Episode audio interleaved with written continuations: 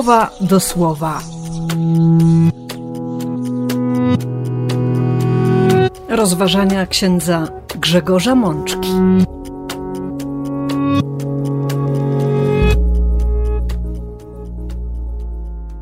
Trzecia niedziela Adwentu, rok B.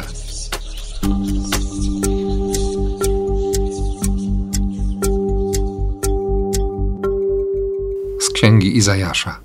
Duch Pana nade mną, dlatego On mnie namaścił.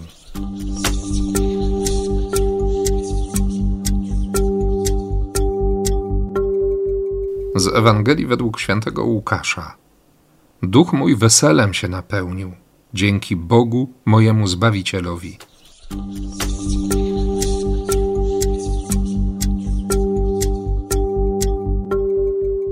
Z pierwszego listu do Tesaloniczan.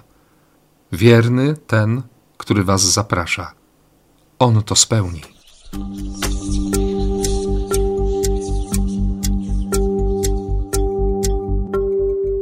Z Ewangelii według świętego Jana. Kim ty jesteś?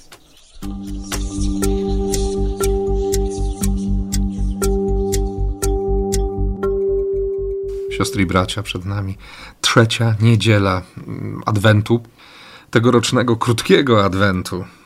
Tak naprawdę zostaje nam jeszcze tylko jeden pełen tydzień naszej tęsknoty, naszego czuwania, towarzyszenia temu zniecierpliwieniu Maryi w czasie mszy roratnich. Niedziela, która nazywana jest niedzielą Gaudete, ponieważ antyfona rozpoczynająca dzisiejszą liturgię jest zaczerpnięta z listu świętego Pawła do Filipian, gdy apostoł narodów zwraca się do chrześcijan mieszkających w tamtym mieście. Radujcie się, Gaudete, radujcie się. Pan jest blisko. Miejcie w sobie radość. Co więcej, Kościół pozwala na użycie nieco innego, specyficznego i szczególnego rodzaju szat liturgicznych, kolor różowy albo, jak twierdzą niektórzy, różany, bo rzeczywiście ten świetlisty brzask wschodzącego słońca, którym jest Chrystus, już się gdzieś na horyzoncie jawi. Ale jest to jednocześnie liturgia, jest to niedziela, która stawia nam bardzo konkretne, bardzo mocne, bardzo twarde i domagające się odpowiedzi pytania. Przede wszystkim pytanie o tożsamość człowieka. To pytanie o tożsamość każdego z nas, o to, kim my jesteśmy. Próbę znalezienia odpowiedzi na to pytanie rozpoczyna prorok Izajasz, 61 rozdział jego proroctwa. Najpierw półtora wersetu, a potem przejście do ostatnich dwóch wersów tego rozdziału. Niezwykle mocne, wyraziste, wymowne twierdzenie Izajasza. Duch Pana nade mną, dlatego On mnie namaścił. Izajasz ma przekonanie o swojej misji. Wie, kim jest. Dlatego będzie siebie uwiarygadniał, a jednocześnie przez tę prawdę, którą głosi, staje się wiarygodnym świadkiem wiarygodnego Boga. Jego życie, jego posłannictwo, jego słowo to wszystko, co, co widać w Izajaszu, daje wiarygodność Bogu. Sprawia, że ten, który posłał swojego proroka, jest godzien wiary, zasługuje na szacunek, na uwagę. I owszem, Izajasz odkrywa to powołanie w sposób szczególny i nie jest w stanie mu sprostać, bo do czego Bóg go przeznaczył, po co go namaścił. Wysłał mnie, przeczytamy, abym ubogim przekazał radosną nowinę, abym uzdrowił poranionych w sercu, abym uprowadzonym do niewoli zapowiedział wyzwolenie, a oślepłym odzyskanie wzroku abym ogłosił rok łaskawego przyjęcia u Pana. I tutaj kończymy czytanie liturgiczne, ale trzeba pójść dalej. I dzień odpłaty, abym przekazał pociechę wszystkim udręczonym, aby płaczący na Syjonie doznali nie upokorzenia w popiele, lecz wielkiej czci, aby udręczeni otrzymali namaszczenie olejkiem radości i zamiast załamania na duchu szatę chwały i będą nazywani potomkami sprawiedliwości, ogrodem Pana ku chwale, zasiedlą odwieczne pustkowia, odbudują opuszczone siedliska, wzniosą na nowo wyludnione przez pokolenia miasta. Wy nazywać się będziecie kapłanami Pana i sługami Boga. Ciekawe, że Jezus kilkaset lat później, cytując Izajasza, dokładnie na tym samym miejscu zatrzyma się, co, co redaktor lekcjonarza. I gdy wszyscy będą chcieli usłyszeć tę dobrą nowinę, że, że wreszcie przychodzi dzień zemsty, dzień pomsty, dzień odpłaty, Jezus rozejrzy się wokoło i trzymając wszystkich w niepewności, powie: Spełniło się. Wszystko się spełnia na waszych oczach, pozostawiając swoich słuchaczy w swoistym zawieszeniu. Co więcej, to będą mieszkańcy Nazaretu, ci, którzy go doskonale znają. Ale na razie widzimy Izajasza, oszołomionego wezwaniem Boga, potężnym zakresem powołania i zadań jednocześnie, które Bóg postawił wobec proroka. Na szczęście Izajasz wie, że to wszystko jest inicjatywą i działaniem Boga, że On jest tym, który przyjmuje, który przyjmuje powołanie, przyjmuje łaskę, przejmuje się tym zadaniem, wiedząc, że Bóg będzie działał. Od razu gdzieś w mojej głowie pojawia się to wezwanie i modlitwa, oby wszyscy, wszyscy słudzy Boga, szczególnie moi bracia w kapłaństwie, właśnie w taki sposób widzieli moment przyjęcia święceń. Tym bardziej, że, że właśnie w tamtej chwili każdy z nas usłyszał wołanie, wezwanie Kościoła wyrażone przez biskupa, by Bóg, który rozpoczął w nas dobre dzieło, doprowadził je do końca, bo to Boże dzieło jest. To jest Kościół Chrystusa. Nie wolno nam o tym zapomnieć. Dlatego ogromną radością jest też dla mnie fakt, że, że komentarzem czy kontynuacją proroctwa Izajasza jest przepiękna modlitwa Maryi, pochodząca z pierwszego rozdziału Ewangelii w redakcji świętego Łukasza, znana nam wszystkim jako hymn Magnificat, hymn uwielbienia, który akurat dziś przyjmuje postać psalmu responsoryjnego. Uwielbia dusza moja Pana, duch mój weselem się napełnił. Dzięki Bogu, mojemu Zbawicielowi, że spojrzał na taką małość swojej służebnicy. Wiemy, że cały ten hymn jest przepiękną pieśnią utkaną z rozmaitych fragmentów pierwszego przymierza, z modlitw ludzi, kobiet i mężczyzn, którzy opierali całe swoje nadzieje na Bogu, którzy w czasach niezwykłych wyzwań i zdawałoby się beznadziejnych po ludzku, w niemożliwości znalezienia jakichkolwiek rozwiązań, ufali Najwyższemu i się nie zawiedli. Nie zawiedli się, bo Bóg dotrzymał słowa, bo Bóg jest wierny. Dlatego ten hymn, który śpiewa Miriam wobec Elżbiety, wobec Jana, wobec Jezusa, dla którego Maryja przecież jest już tabernakulum, jest tym schronieniem, jest mieszkaniem. Hymn uwielbienia Boga jest dziś nam dany jako modlitwa, jako wołanie naszej duszy. I bardzo Was, siostry i bracia, zachęcam do tego, byśmy usiedli dziś, na chwilę, otwarli Słowo Boże na Ewangelii Łukasza, na pierwszym rozdziale i modlili się wersetami od 46 do 55. Tym bardziej, gdy mamy e, świadomość, że, że w przebiegu Adwentu, choć liturgia jeszcze nam będzie płatać figle, w cudzysłowie oczywiście to mówię, i, i dopiero co będzie nas zachęcać do, do słuchania Ewangelii i o zwiastowaniu, i o nawiedzeniu.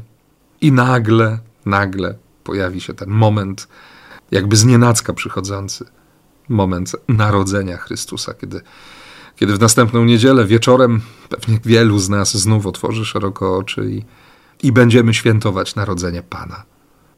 Tym niemniej trzeba mieć w głowie właśnie to, że, że czas Adwentu to jest czas Maryi, która, która już się nie może doczekać, dla której to są ostatnie tygodnie. Czas szczególnie wymagający. To są chwile, które, które wymagają i od Maryi, i od Józefa. Wiemy dobrze, że dla nich obojga to nie były łatwe chwile. Dlatego tym bardziej dobrze jest przez chwilę zatrzymać się pomyśleć o niej jednocześnie poprosić ją, by podzieliła się z nami tą tęsknotą za wypełnieniem Bożych obietnic, tym przekonaniem o wierności Boga, by nam pokazała, kim jest, by nam opowiedziała o swoim wnętrzu, o swojej tożsamości, byśmy odkryli tę najgłębszą prawdę o niej, o matce naszego Pana, o świętej Bożej Rodzicielce. Nad tą tajemnicą będziemy się jeszcze pochylać za nieco ponad dwa tygodnie.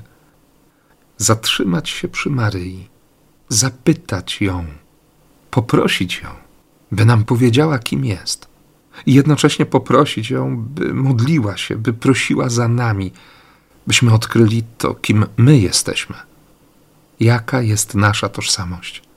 W tych czasach trudnych, wymagających, domagających się bardzo konkretnych określeń, jasnych nie tylko deklaracji, ale rzeczywistości życia.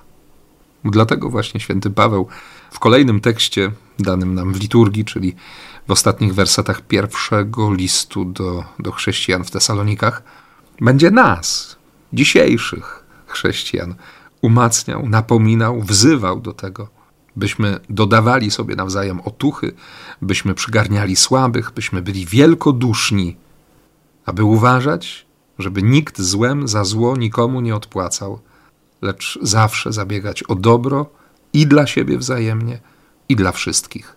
I wreszcie od tego wersetu rozpoczyna się czytanie w liturgii. Mamy się zawsze radować, nieustannie się modlić, za wszystko dziękować, bo tego dla nas pragnie Bóg. To jest Jego wola, objawiona w Chrystusie.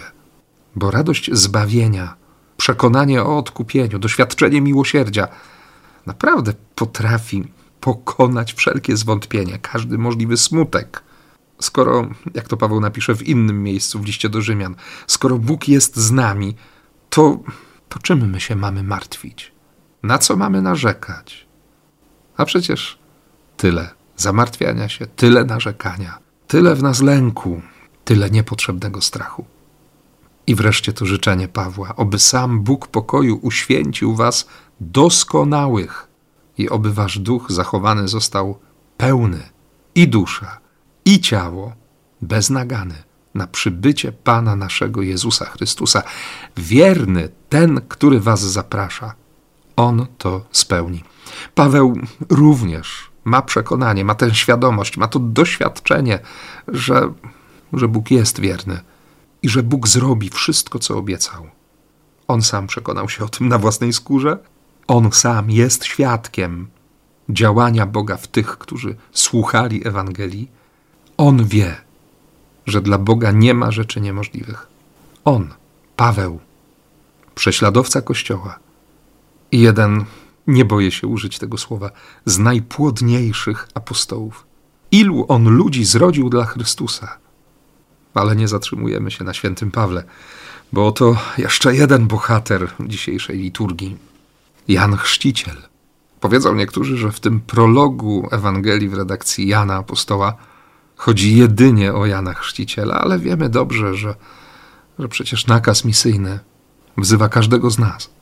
To my możemy odkryć siebie w tej dzisiejszej liturgii, bo to my mamy wziąć na barki odpowiedzialność za głoszenie prawdy o zbawieniu w Chrystusie. I to o nas również ewangelista Jan pisze dziś, że, że każdy z nas przybył po to, by dać świadectwo, by zaświadczyć o światłości. Bo nie my jesteśmy światłością, tak jak Jan Chrzciciel nie był światłością i doskonale zdawał sobie z tego sprawę.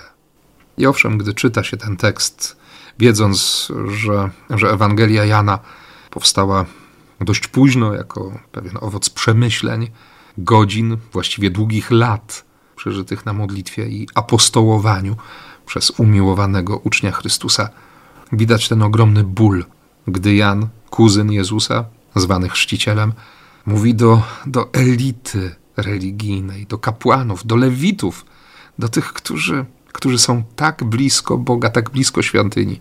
Wśród was pojawił się ten, którego wy nie znacie. Owszem, możemy siebie postawić tuż obok Jana i zadawać to pytanie innym. I wielu chrześcijan, wielu katolików takie pytanie dziś zadaję, próbując nawet rozliczać siostry i braci w wierze z tego, czy znają Jezusa, czy nie. Ale ja jednak pokuszę się, w cudzysłowie oczywiście, o to, by stanąć naprzeciw Jana, by spojrzeć chrzcicielowi w twarz, w oczy, by wytrzymać to świdrujące spojrzenie, które pyta mnie dziś bez słów, czy to właśnie ja, naprawdę, na pewno znam Chrystusa, czy chcę tego światła, bo ono wydobędzie z zakamarków mojej duszy wszystko, co trudne, bolesne, co wstydliwe, co takie nijakie nawet, właśnie po to, żeby, żeby postawić to przed Bogiem, żeby, jak to napisze autor Psalmu 16 w wersecie 11, ten blask Boży rozjaśnił moje ciemności i pokazał mi ścieżkę życia. W kontekście postawionego przeze mnie na początku naszego spotkania pytania o tożsamość, to właśnie teraz pojawia się to najważniejsze. Najważniejsze pytanie skierowane do mnie. Pytanie, które ja sobie samemu nie tylko mogę, ale muszę zadać. Kim właściwie jestem? Czy jestem człowiekiem, którego zna Chrystus? Czy to jest osobista i żywa przyjaźń? Jeden z duńskich filozofów i poetów pierwszej połowy XX wieku, Syren Kierkegaard, pisał, że, że człowiek wierzący, właściwie pisał o kapłanach, że kapłan wierzący jest jak zakochany ze wszystkich zakochanych najbardziej zakochany. Wiara domaga się takiej miłości, która jest przyjaźnią, która jest zaufaniem, takiej miłości, która potrafi skruszyć wszelkie mury. Dlatego ten, kto wierzy, ten, kto ufa i ten, kto kocha, ma czas, żeby być z Bogiem. Jeśli Bogu wierzę, to będę mu się zwierzać ze swoich spraw, ze wszystkiego. Będę mu o wszystkim opowiadać. Nie będę się bać tracić czas dla Chrystusa i z Chrystusem i w Chrystusie. Każdego dnia będę dawać zgodę, by, by ta moja tajemnica serca, wszystkie tajemnice mojego serca zbliżały mnie do Najwyższego. To jest powołanie, które odkrył Jan Chrzciciel. Zaświadczyć o godności Syna Bożego. To świadectwo Jana otwiera drogę do, do spełnienia proroctwa Izajasza. Właśnie o tym czasie zbawienia dla Jerozolimy. Stąd Jan Ewangelista nie boi się i nie waha się włożyć w usta Jana słów proroka Izajasza. Bo Bogu chodzi o to, byśmy wiedzieli, kim jesteśmy, byśmy odnaleźli swoją tożsamość. I tym, którzy są z Boga, zależy dokładnie na tym samym. Odzyskać zgubioną tożsamość, zatrzymać się, by, by wiedzieć, kim jestem. Po to mamy tę niedzielę radości. Po to jest ta niepowtarzalna okazja, by się spotkać z Bogiem, by rozpoznać Boga, który, który ocala, który wyzwala, który każdą naszą modlitwę zamienia w miejsce obdarowania miłością.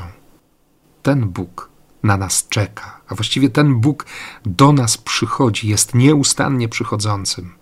Pewnie, że wokół nas i choinki, i kolendy, i spotkania nawet opłatkowe.